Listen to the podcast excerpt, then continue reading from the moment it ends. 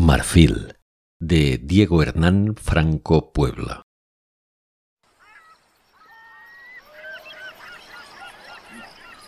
Luego del largo viaje que coronaba una búsqueda de muchos años, recopilando datos que no anotó, pero que no le costó trabajo memorizar, por fin se encontraba en el lugar que guardaba los recuerdos de su madre.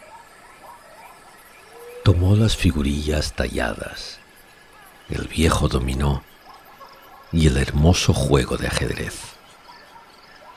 Por último, se dirigió al piano y retiró con la trompa cada una de las teclas.